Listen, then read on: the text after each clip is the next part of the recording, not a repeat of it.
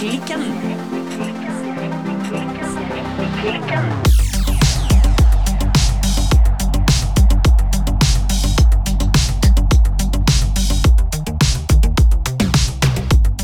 Hei, Birte. Birte? Birte? Birte? Ja, folkens, det er sant. Birte er ikke her i dag. Stakkars Birte, hun er blitt syk. Så her i strikkehytten så sitter altså jeg, Silje, dønn aleine. Men fortvil ikke, kjære lytter. Det blir episode likevel. For jeg har funnet ut at jeg er knallgod på å etterligne dronningen av Ulsteinvik, altså Birte. Så jeg eh, tenkte at jeg rett og slett skulle kjøre en hel episode hvor jeg snakker min stemme og Birte sin stemme. Jeg tenkte det var en knallgod idé. Så nå kjører vi. Hei, Birte! Hei, Silje! Silje, hva du strikker i dag, da? Jo, eh, nei, altså, jeg strikker vei på min Nord-genser fra strikkekaffe. Bolen er ferdig, den har fått eh, bråt og hals og alt av det, så nå holder jeg på med å strikke det første ermet. Det går lett, det går fort, jeg koser meg med denne genseren her. Enn du da, Birtemor, hva strikker du i dag? Nei Nei, det, dette funker ikke. Jeg kan ikke sitte her og være en dårlig kopi av Birte en hel episode. Det er bare Birte som kan være Birte, og Birte har altså dessverre blitt syk.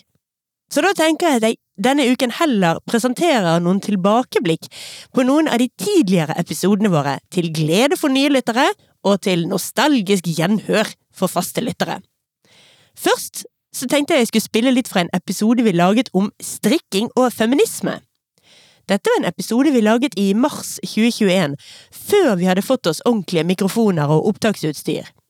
Så lydkvaliteten den er litt dårligere enn på de nyere episodene våre, men eh, jeg mener likevel at dette er en bra episode som fint tåler å spilles på nytt.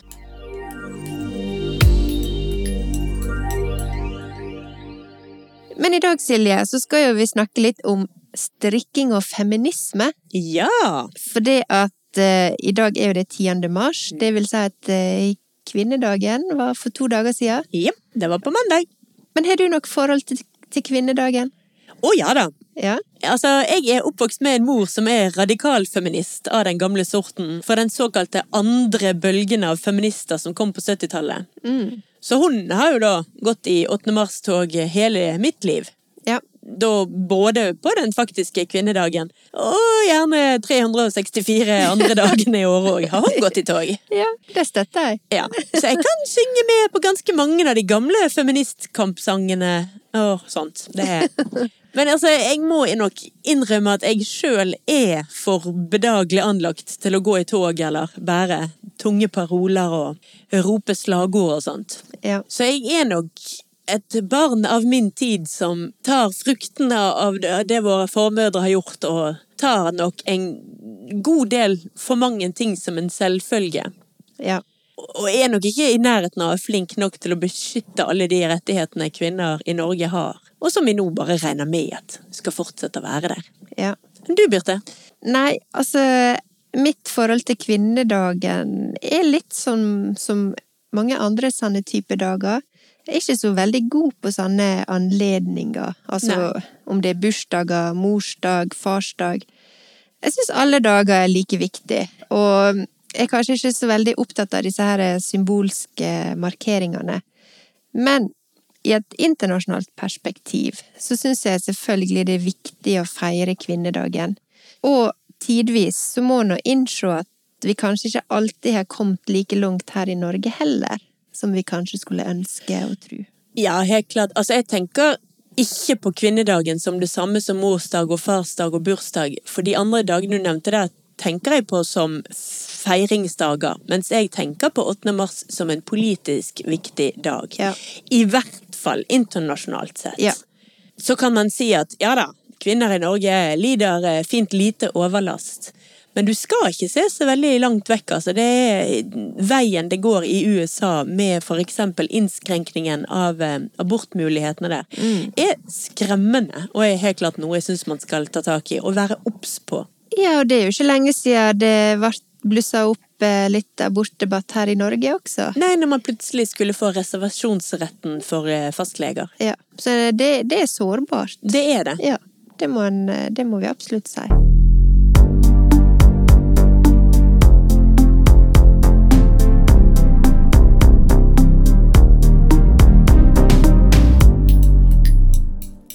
Men vi skal jo snakke i dag litt mer om forholdet mellom strikking og feminisme. Ja, For her er det jo helt klart mat for Mons.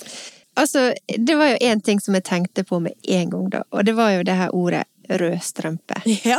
Og jeg hadde håpet at det hadde noe med strikking å gjøre, Ja. men jeg er faktisk litt usikker. Å ja. Ja, for at det hadde passa så bra. Ja, det hadde det. Det hadde vært helt riktig hvis rødstrømpene faktisk hadde sine egne strikkete strømper. Men jeg har en følelse at du skal fortelle oss at nope. Nei, altså, rødstrømpe, eller det som da heter rødstrømpebevegelsen, det kommer jo fra det amerikanske ordet red stockings. Ja. Og det er et navn på, på en del av kvinnebevegelsen i den vestlige verden som oppstår rundt 1970-tallet. Ja. Og det var kvinneaktivister i New York, der fargen rødt og begrepet The Red Stockings ble lansert for å markere en ny giv og så gi en slags sånn avstand til den tidligere betegnelsen blåstrømpe, Oh, ja. som var noe på 1700- og 1800-tallet. Altså det var brukt nedsettende om borgerlige, intellektuelle kvinnesakskvinner i Storbritannia. Nettopp. Så kvinnesaker skulle liksom framstå i et nytt lys, og da switcha en da fra blå til rød. Ja. Og det skulle være ei eh, feministisk eh, retning, som skulle være både radikalt nytenkende og venstreorientert. Mm. Eh, Og bevegelsen ville også ha større åpenhet rundt seksualitet, prevensjonsundervisning og krav om fri abort. Mm. Så jeg kunne ikke, kunne ikke finne noe sånn at en satt og strikka eh, røde strømper Nei. knytta til det begrepet. Nei, altså når du snakker om denne typen 70-tallsfeminister i USA, så må jeg få anbefale den TV-serien som ligger på HBO, som heter Mrs. America, Ja. med Kate Blanchett i hovedrollen. Som tar for seg denne her eh, kampen om å få gjennom denne her eh, Equal Rights Amendment, IA. ERA. Ja. Ja, grådig vanskelig å si det ordet der. ERA. E-R-A. ja. Den syns jeg var ekstremt med hun eh, Phyllis Schleffley, Ja. som, eh, som jo er en ekte person. Ja, jeg likte den serien veldig godt, og det er utrolig fascinerende å se hvor noen kan kjempe imot, og noen kjempe for. Altså, hvor uenig kan en være om noe som for meg virker helt åpenbart? Ja, selvfølgelig. Altså, hvor gæren skal du være for å være imot at kvinner skal ha like rettigheter? Det, det sier seg jo sjøl. Ja. Men um, jeg har lyst til å bare si litt sånn innledningsvis også om dette temaet, er at det er nærmest sånn Selvfølgelig er det en link mellom feminisme og strikking. All den tid hva er det da? 48% av norske kvinner strikker ukentlig, og 0,3 eller noe av norske menn strikker Ja. Andelen der er jo voldsom. Disse tallene er nå begynt å bli et par år gamle. Det kan jo hende at eh, med den stigende populariteten at det kanskje kom til litt flere menn, men det er jo fortsatt stor overvekt av kvinner. Det er eller jenter som strikker. Ja, nei da, det er jo eh, en eh, såkalt typisk kvinnesyssel, og er en av de få syslene som er såpass tydelig dominert av ett kjønn. Men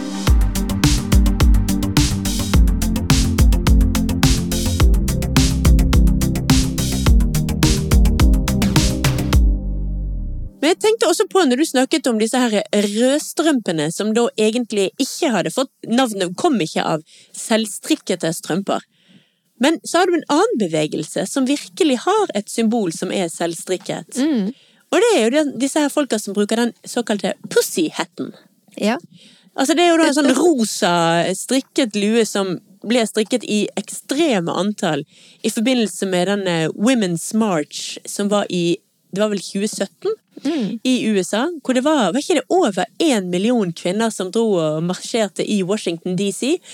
Da, utrolig nok, var jo en av fanesakene deres igjen å få gjennom denne her eh, Equal Rights Amendment, som de fremdeles ikke har fått gjennomslag for. Yeah. Det er helt galskap. Yeah. Det er en lue som jeg syns det er fint at finnes, og det er fint at man har en enkel lue man kan strikke for å uttrykke noe politisk. Ja. Den kom jo også på bakgrunn av både metoo og eh, disse her eh, grab them by their pussy-uttalelsene til eh, den tidligere, Former, den ja. tidligere presidenten, vil- Ja. hvis navn ikke skal nevnes. ja, let's Voldemort. him.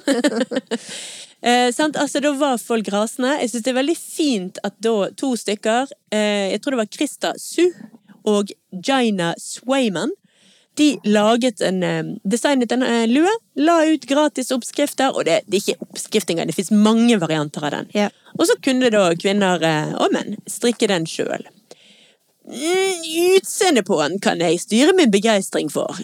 Jeg ville ikke sjøl gått rundt med en sjokkrosa lue med to slags ører, katteører eller noe sånt på.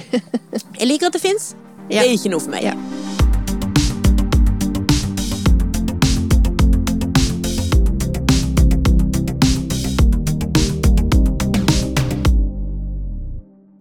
Hallo, Silje sittende alene i strikkehytta tilbake igjen her.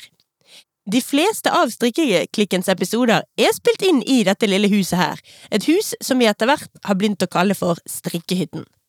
Men eh, det hender jo også at vi drar ut på tur og lager episoder ute fra felten. I vår så tok vi en sånn tur til Hillesvåg ullvarefabrikk, som bare ligger en kort biltur fra Bergen. Her kommer et klipp fra denne episoden vi laget der.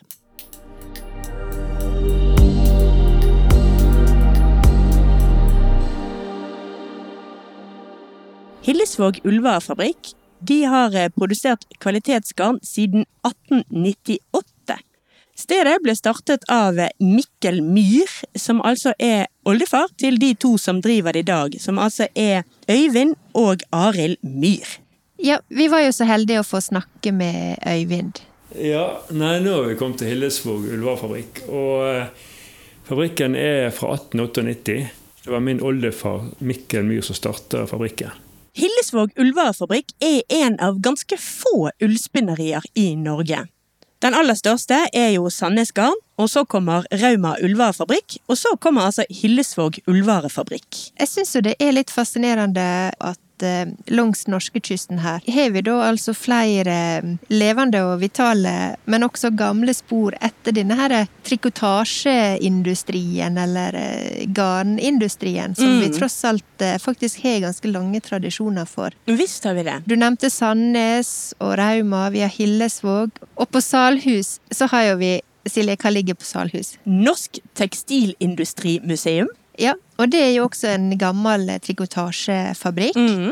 Så jeg syns det er veldig fascinerende at vi eh, faktisk har disse fabrikkene liggende langs eh, norskekysten. Sandnes, Hillesvåg og Rauma er jo veldig vitale, og det går så det suser. Ja, altså det var veldig kjekt når vi kjørte nå til Hillesvåg og kommer, sant, du tar den av fra veien og kjører ned da mot fjorden, og der ligger da denne nydelige perlen. Som når den ble opprettet, så gikk det ikke vei dit. Det var ingen vei ned til fabrikken, den hadde, det var kun sjøveien. Så bøndene kom roende med ull, og gjerne fikk eh, garn tilbake av egen ull, eller de kunne bytte ull i andre varer. De kom jo òg med hest, gjerne fra, fra nærliggende gårder med ull til fabrikken. Senere så ble det jo eh, kjøpte vi jo inn ull eh, fra større deler av landet. Helt oppi fra Lofoten faktisk fikk vi ull. Eh, Og andre steder langs kysten. Så kom eh, båt inn til Bergen og videre med dampbåt til fabrikken. Så vi måtte jo ut og kjøpe, kjøpe ull etter hvert. da.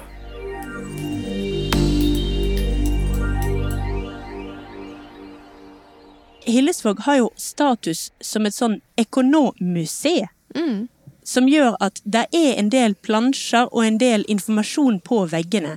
Så selv om det absolutt er en levende fabrikk i full vigør som eh, produserer garn på daglig basis, så har det altså en viss museestatus også. Absolutt. Vi har eh, beskrevet historien på veggene våre her. Eh, vi ble et ekonomuseum i 2013. Og I den forbindelse så fikk vi opp noen plakater hvor vi har eh, både norsk og engelsk eh, tekst eh, som beskriver både historie og litt eh, produksjon. Et ekonomiseum det er utvalgte håndverksbedrifter som blir plukket ut til å bli ekonomiseum hvis de oppfyller visse krav.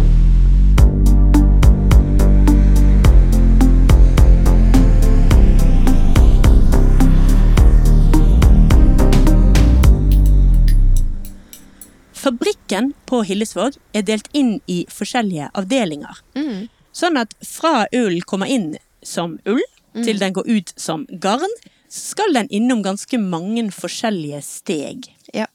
Det skal karres og spinnes og tvinnes og farges. Og hver av disse avdelingene har sin egen lyd og lukt og sine forskjellige unike inntrykk. Ja, og så er det veldig kjekt at uh, siden fabrikken begynte da som en ganske lite hus, og så har en bygd på litt etter litt, så er ikke nødvendigvis en veldig sånn strømlinjeforma hvordan uh, en beveger seg rundt på huset der. Du, du begynner kanskje i andre etasje, og så går du ned i første etasje, og så går du opp igjen litt på loftet, og så går du ned i kjelleren. Når du følger disse stegene, så går du liksom rundt på hele huset, men ikke nødvendigvis i en sånn effektiv rekkefølge. Ja, det var jo også et tidspunkt der hvor eh, dere eh, mistet meg. ja. Jeg ble stående, jeg falt fullstendig i staver over noen av disse fantastiske maskinene. Ja. For de som kjenner til mine malerier, så er det jo eh, Det er vel kanskje ikke veldig sjokkerende at jeg er usedvanlig glad i tannhjul og vaiere og vinsjer og den slags. ja. Da forsvant jeg fullstendig inn i maskinene på Hillesvåg. Altså her var det mat for Mons, eller mat for Silje, Ja. rett og slett. Det var det. Det var en eh, Nei, det var altså så mye fint å se på der. Så da eh, forsvant rett og slett Øyvind og Birte fra meg. Og jeg fikk til slutt en tekstmelding fra Birte om at de hadde gått videre til butikken, og jeg fant nå ikke veien fram, for å si det sånn.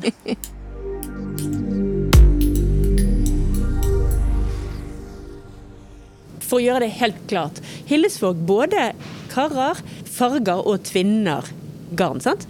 Ja da, vi gjør hele prosessen her, da. Fra vi får eh, si, vaska ull inn på huset, til vi får ferdig garn ut til butikkene eller til kunden, ferdig farga. Og vi vasker òg en del ull på eh, huset. Vi tar imot litt ull direkte fra bøndene fortsatt, sånn som vi gjorde for over 100 år siden. Eh, Det er jo blitt populært med villsau i landet, og vi lager en god del garn av villsauull.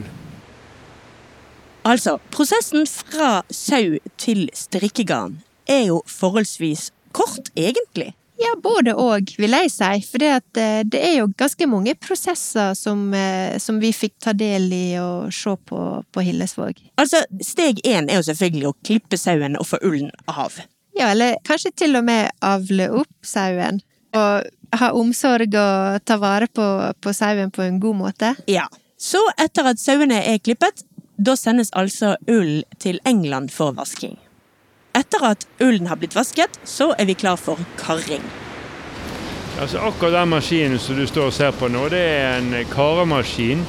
En gammel en, den er over 100 år gammel. 1890 er en del av maskinen. Og den karer ull til eh, toving. Så det blir ikke garn av akkurat det som kommer ut av denne maskinen her, men det blir eh, karer ull, så de bruker da til, til toving. Etter at ullen har blitt karret, så er vi klar for spinning. Nå står vi ved siden av en spinnemaskin. Vi har en dobbeltsidig ringspinnemaskin med 70 spindler på hver side. Og hvis du ser øverst på maskinen her nå, så er- ligger forgarnet som kommer fra karmaskinen. Og nå skal det spinnes til én enkelt tråd garn. Da strekker vi det forgarnet ca. 30 og så, og så spinner vi det til én enkelt tråd med passelig mye sno i. Og så går det videre til eh, tvinning etterpå. Og da legger du sammen igjen. Hvis du skal ha et totrådet garn, så skjer det i, i tvinnemaskinen.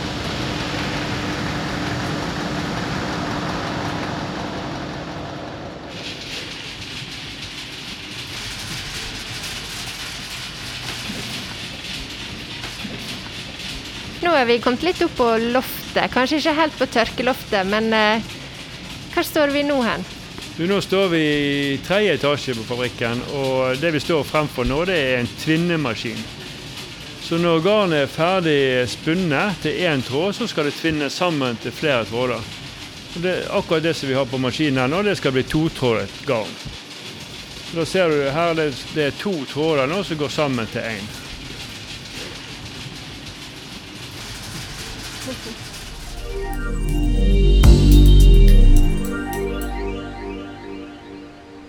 Og så er vi klar for bunting.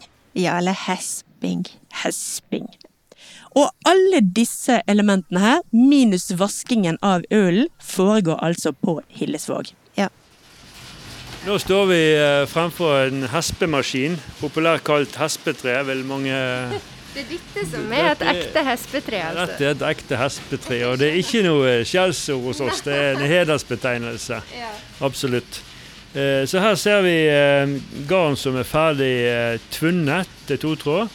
De blir da hespet. Det er på store hylser. Så blir det hespet over på hesper og klargjort for farging. Så de hespene vi ser her nå, de er 100 gram hver.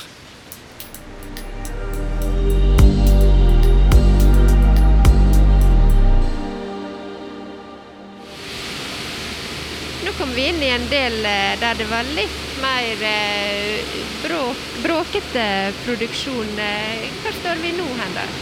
Nå står vi i fargeriet, og det er jo eh, kan si, nesten helt i, på slutten av, av produksjonen vår. Når garnet er ferdig, så skal det farges. Så her har vi forskjellige fargemaskiner i forskjellige størrelser, så vi kan farge alltid fra 5 kilo oppover til nesten 200 kilo i en farge. Når vi står her eh, i fargeriet, eh, dere selger jo ufarga garn. Eh, er det noe som dere Jeg tenker på, Nå er det veldig populært med håndfarging av garn, og at folk eh, farger sjøl. Har dere merka noe til det? Ja da, det er blitt veldig populært med, med håndfarging. Eh, og vi selger mye garn til, eh, til det. Da kan de enten kjøpe det som vi kaller for uvaska garn rett fra produksjonen vår. Da må de vaske ut denne spinnoljen sjøl, som vi snakket om i sted. Men ellers så kan de kjøpe eh, vaska garn eh, i naturfarger. Både hvitt og grått og forskjellige meleringer. Så det er blitt eh, veldig populært.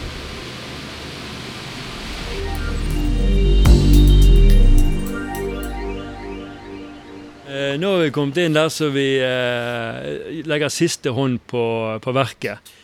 Det dere ser her er vogner med ferdig farget garn. Det er tørt og fint, og det skal nå vries i fine bunter og legges eh, banderoler og merkelapper og strekkoder på hver eneste hespe. Og alt dette her blir gjort for hånd.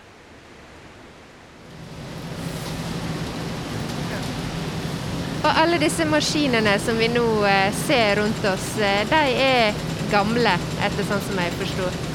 Ja, Den vi står ved siden av nå, da, den er fra 1890. Og hvis en eh, ser blikket opp i taket litt nå, så ser en eh, en aksling og reindrift eh, som viser hvordan det var eh, opprinnelig med vannkraft som drev maskinene fra en turbin. Så vi har beholdt disse akslingene i taket for å vise hvordan det var i, i virkelig gamle dager, før eh, strømmen kom på huset.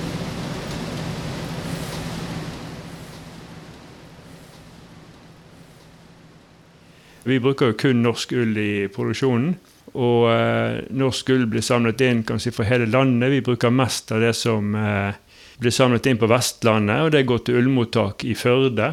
Så der er på en måte eh, Du kan si, godt si at vi bruker lokal altså ull fra lokale sauer, da, for at de sauene som går rundt her, det blir samlet inn eh, i, til Førde, ullmottaket på Førde. Men så ble norsk ull sendt til England for vasking. Og det er jo mange som reagerer på det, men eh, vi har ikke noe stort uh, ullvaskeri i Norge. Så da ble all ull sendt til England, og så kjøper vi tilbake igjen. Men vi, får, vi handler jo med Norilia, men vi får jo ull direkte fra England tilbake. Men de ullballene som vi får da, de er jo merket med Førde f.eks., eller Gol, eller sånn, så vi vet akkurat hvor ullen kommer fra. Så den er jo sporbar.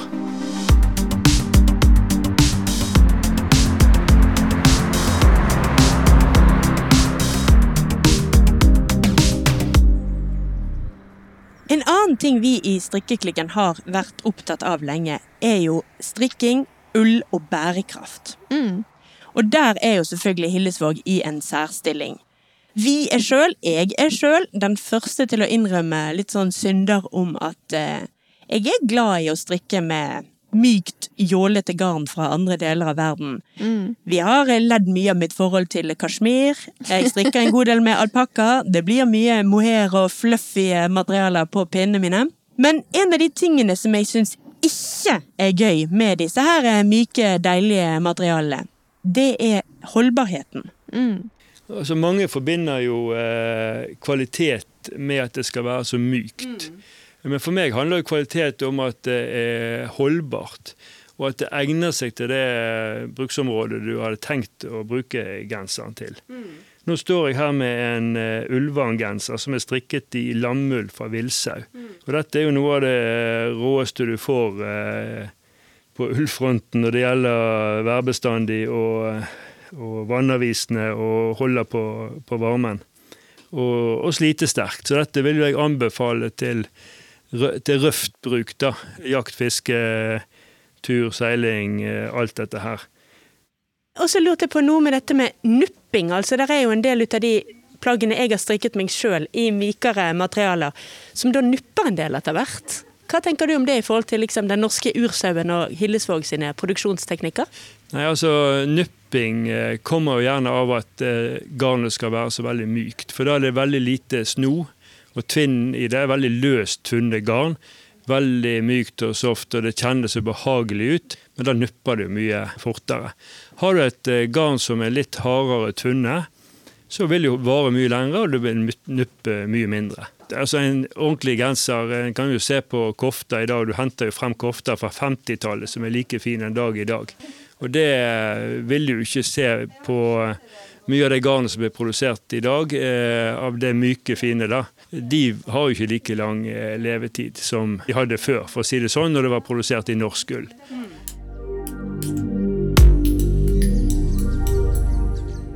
Vi bruker jo eh, litt forskjellige typer ull, alt etter hva vi skal lage. Den mest vanlige det er norsk hvit sau, altså ull fra norsk hvit sau. Den er hvit og fin. Og så har vi lammull fra samme sauen som heter CNF, eller CN Fin, som er den fineste lammullen.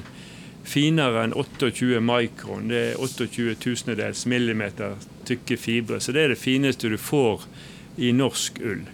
Alle ønsker jo finest mulig ull, og her har du den fineste kvaliteten. På 50-tallet så var det ca. 500 villsauer igjen i Norge, altså gammelnorsk sau. Dette er jo ursauen som vikingene hadde, og, og de hadde jo en fantastisk fin eh, ull. Den har både dekkull og bunnull. Og vikingene, eller de gamle, holdt jeg på å si, de brukte jo, visste jo å ta vare på og utnytte de ulike egenskapene til denne ullen. Så de lagde jo fine klær av den, men de kunne òg lage vikingseil av den, f.eks. til båtene.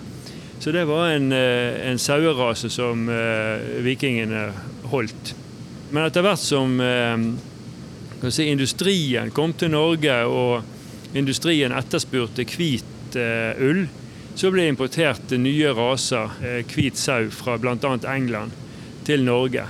Og da var ikke den gammelnorske sauen så interessant lenger, så den ble jo forvist ut på på øyene nærmest, og så var det den, den hvite sauen som overtok. da.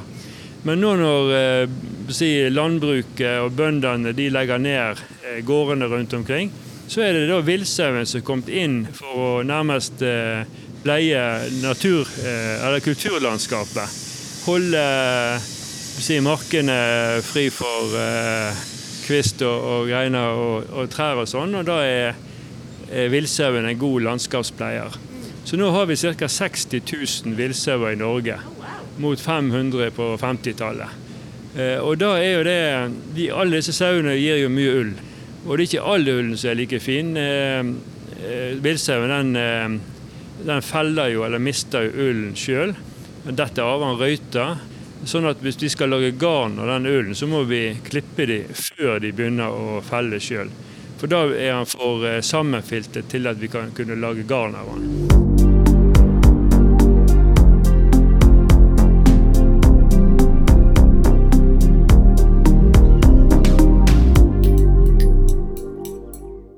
Ja, og da er vi tilbake igjen fra programleder Silje i sitt lille studio. Selv om Birte og jeg ønsker å opplyse og inspirere lytterne våre til strikking, så er jo ikke bare dette en informativ podkast som bare lager sånn ordentlige og godt forberedte episoder. Støtt og stadig så glir jo episodene våre over i tull og tøys og temaer som slett ikke har noe som helst å gjøre med strikking. Birte og meg vi har kjent hverandre i over 20 år, så det blir en del babling når vi møtes. Dette kom ganske godt frem i episoden som ble kalt Løst og fast om strikking, som jeg nå tenkte skulle spille litt fra.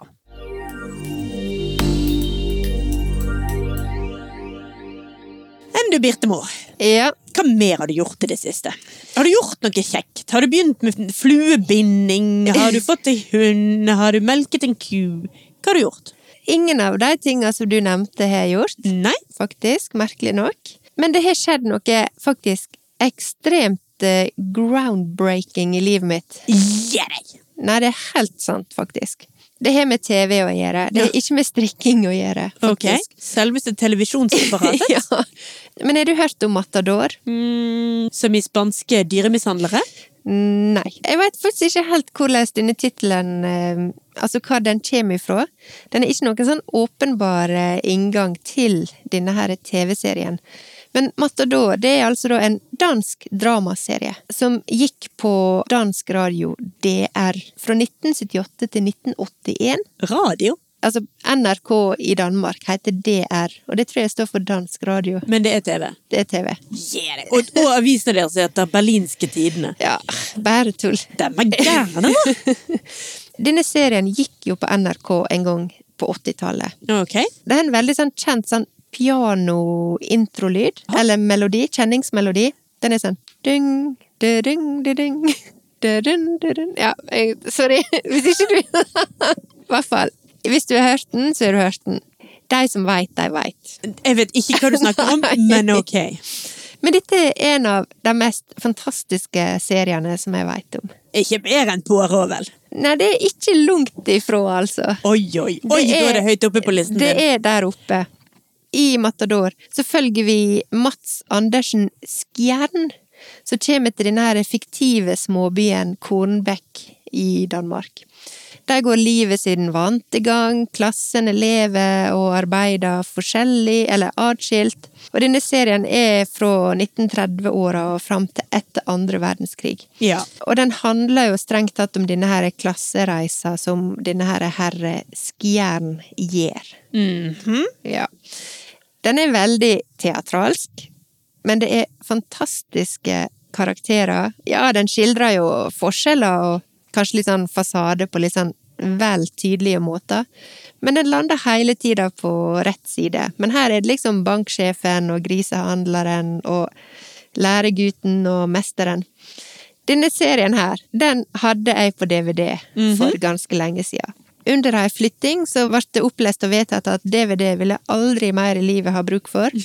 Så alle DVD-ene gikk til eh, samleren i Nygårdsgaten. Men så viste det jo seg at eh, det var jo noen av disse DVD-ene som har vært vanskelig å finne igjen på strømming. Ok. Deriblant Matador. Aha. Sammen med West Wing, for eksempel. Ja vel. Som jeg også savna voldsomt eh, Den må det være mulig å få tak i. Ja, den var mulig å få tak i, men per nå finnes det ikke den heller på plasser jeg eh, har tilgang på. Frekventerer. Ja. Men i går så skjedde det faktisk at Plutselig så var det Ja, men på NRK Arkiv, der ligger jo mye rart. Mm. Og så var det Kan det være at Matador ligger der? For det gikk jo på NRK i sin tid. Det gjorde ikke den. Men når vi gikk inn på DR sitt arkiv, så lå Matador der. Ja. Og da ble det glede i heimen, skal jeg fortelle deg. For da kunne vi endelig se denne her eh, Matador-serien igjen. Og det er Ja, bare Da var det glede i heimen, for da kunne dere se langsom teatralsk dansk TV-serie fra slutten av 70-tallet om en grisebonde som slår seg opp. Å, herregud! Nei, det er ikke grisebond. Så utrolig kjedelig! Det er ikke grisebonden som slår seg opp. Birte, Det er den hvor lenge har vi kjent hverandre? Og hva er sannsynligheten for at dette er TV for meg? Du vet utmerket godt hva jeg liker å se på televisjonsapparatet. Ja, Men derfor var ikke dette tipset egentlig mynta på deg, Silje. Nei. Men jeg vil påstå at den er verdt et forsøk, også for deg. Ja, altså der du eh, sitter og moller, moller deg og troller deg med, meg. med det der, så vet jo du utmerket godt hva jeg sitter og spiser mine lakriskuler og strikker til. Ja. Og det er jo dokumentarer om seriemordere, Ja. om sekter, om massedrap, om eh, Andre narkomane, andre verdenskrig, ikke minst. Holocaust. Altså, i går så jeg en eh, flott dokumentar om Ed Gein. Ja. Som altså da eh, regnes for å være en seriemorder, men teknisk sett så er ikke han det, for han drepte bare to. Resten av likene han sparte på, har han bare gravd opp fra den lokale kirkegården. Han hadde teknisk sett ikke drept de. Nei. Men det er sånne ting som jeg sitter og koser med. til. Det er my kind of entertainment. Og det er helt motsatt av det som eh, trigger min eh, kose, kosefaktor. Ja, når du skal Ja. virk virkelig gå into the dark side, da skrur du på Poirot. Jo da, men jeg må bare si det. Jeg anbefaler varmt Matador til alle. Men det som er fascinerende med den, er måten den skildrer samfunnet på. Og den klassereisa som han Skjern gjør. Her er alle typer karakterer, og jeg, ja, jeg koser meg stort med å se på det. Og selvfølgelig er det perfekt eh, å sitte og strikke til. Rett før sommerferien dro strikkeklikken på besøk til Vaid plantefageri, som ligger på Sotra i Bergen. Der snakket vi med Sasha og Mikael, som farger garn med planter de dyrker i sin egen hage. Her kommer et gjenhør med møtet strikkeklikken hadde med Vaid plantefageri. Nå sitter vi her, som jeg sa, med innseilinga til, eh, til Bergen, og det er jo ikke store hagen dere har. Det er jo en vanlig hage som dere har laga til og tilpassa veldig, veldig spesifikt og finurlig, vil jeg si, til dere sine behov. Hva er det dere gjør her? Dyrker dere først og fremst til plantefarging, eller gjør dere andre ting også? Nei, det er vekster av alle slag. Som sagt, etter Sasha kom inn i bildet, så ble det jo litt plantefargingsplanter plantefagingsplanter og sånn som det. Men mitt fokus har vært å, å dyrke frem krydderplanter og matplanter hovedsakelig, da. Eh, Så det beriket jo litt når hun kom inn i bildet. Det ble litt mer farger og Ja, litt mer diversitet, kanskje.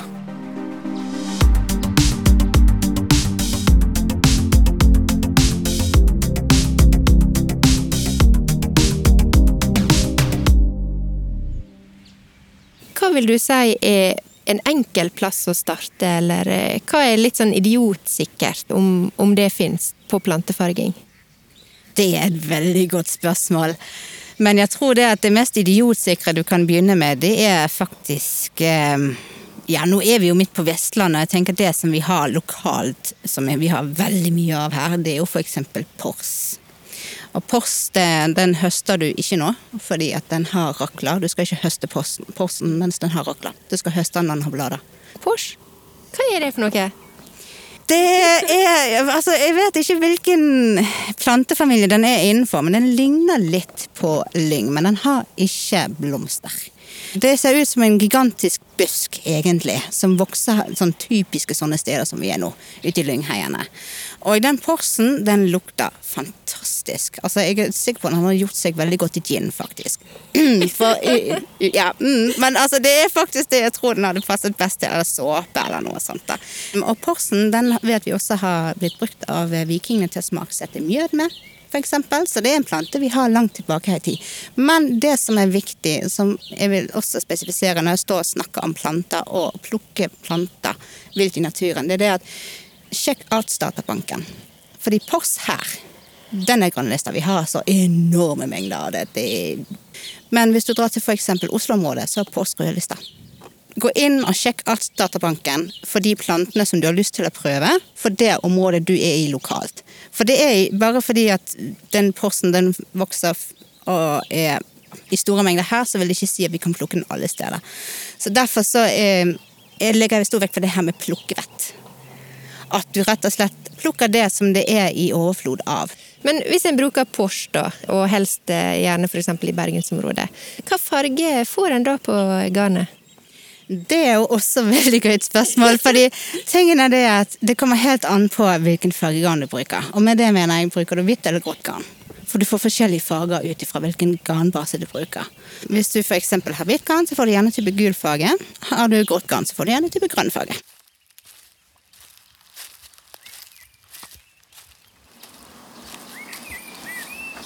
Nå har vi bevega oss eh, litt bort i hagen her, og vi gikk bort til eh, den omtalte vaiden som vi snakka litt om i stad. Vil du fortelle litt mer, eh, Sasha, hva vi ser på nå? Altså, vi ser på en vaidplante som er en andreårsplante. Um, og når man skal farge med white, så er det faktisk det beste å bruke førsteårsbladene og ikke andreårsbladene. Du kan bruke andreårsbladene også, men jeg har hørt et rykte om at de ikke er like potent som førsteårsbladene. Grunnen til at jeg ikke kan si at jeg vet, det er fordi jeg har ikke farget med den ennå. Det er det andre året jeg har white, så det er derfor jeg ikke har så mye erfaring med andre års farging da, av den. Så det vi ser på nå, det er en whiteplante som har gått i stokk. Um, og dere ser at de er ganske høye. Og de kan faktisk bli opp mot 1,5 meter høy nå i løpet av sommeren. Og det som skjer på, sen, på sensommeren, det er at da blir alle disse her gule blomstene de blir til kokonger med frø i. Og da kommer jeg til å ta de frøene. De kan du faktisk også bruke til farging, men de er på en måte så små at det ikke er vits i, spør du meg. da. Så da tar jeg frøene, og så får de lov til å så seg sjøl til neste år, og så gir jeg vekk frø til de som vil ha, eller så tar jeg vare på frøene til seinere. Nå er jeg litt sånn eh, fargeforvirra her, for vi snakker om indigo, gjorde vi det?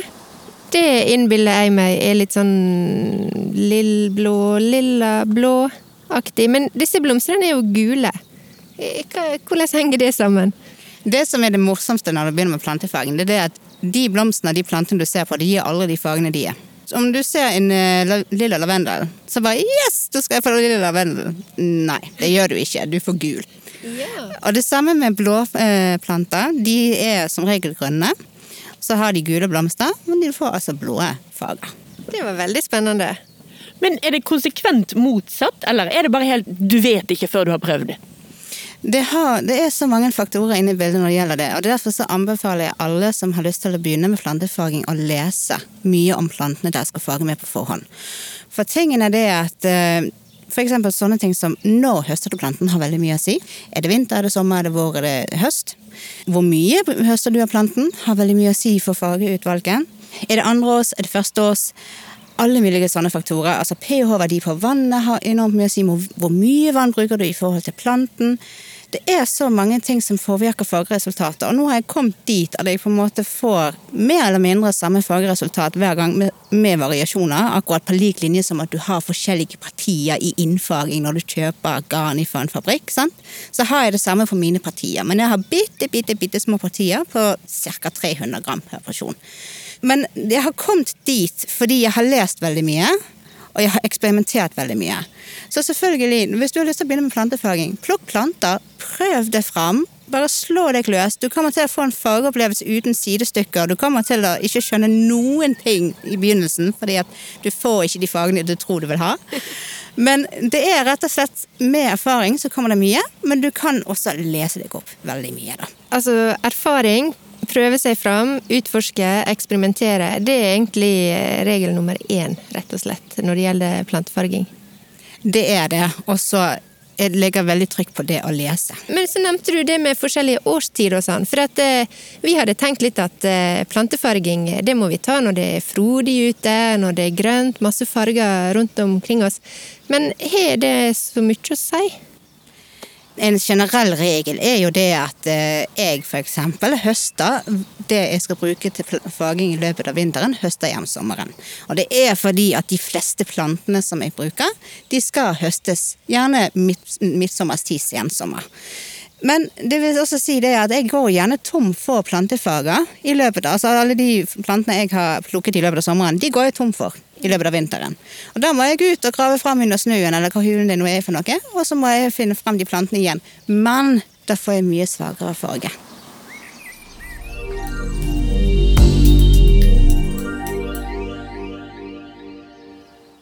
Ja, og da er vi tilbake igjen fra strikkehytta. Her Silje sitter og er en slags flygeleder i tårnet helt alene, mens Birte fremdeles ligger syk hjemme. Stakkars. Nå har jeg altså spilt noen få klipp fra det etter hvert ganske så rikholdige arkivet Strikkeklikken har laget. For å høre mer fra dette her hemmelige arkivet, så kan du gå inn på eh, Apple Podcasts eller Google Podcasts, Podbean-appen, Spotify, eller rett og slett nettsiden vår, altså www.strikkeklikken.no, og høre gamle episoder. Det er egentlig bare til å søke opp Strikkeklikken i hvilken som helst eh, ja, kanal. Vi er faktisk overalt. Du finner oss på internett, på DAB-radio, på gamle trådløse radioer. Hvis du leter litt under hodeputen din, så finner du oss. Hvis du leter i sokkeskuffen din, så finner du Birte og meg. Vi er faktisk absolutt der du skulle tro, og kanskje av og til der du ikke skulle tro. Og med de vise ordene vil jeg bare ønske alle lytterne våre en riktig god uke, og sende Birte en varm hilsen og ønske henne masse god bedring. Birte, ta en kopp varm melk med honning i. Vi høres igjen om en uke. Ha det på badet! Ha det. Ha det! Ha det bra. Ha det bra! Ha det på badet! Ha det, Silje. Ha det på badet! Ha det bra, Silje, og ha det bra til alle lytterne våre. Ikke noe ha det sjøl, de gamle fjøle! da ses, høres vi Da høres vi igjen om en uke. Ha det på badet! Ha det, Silje Vanilje.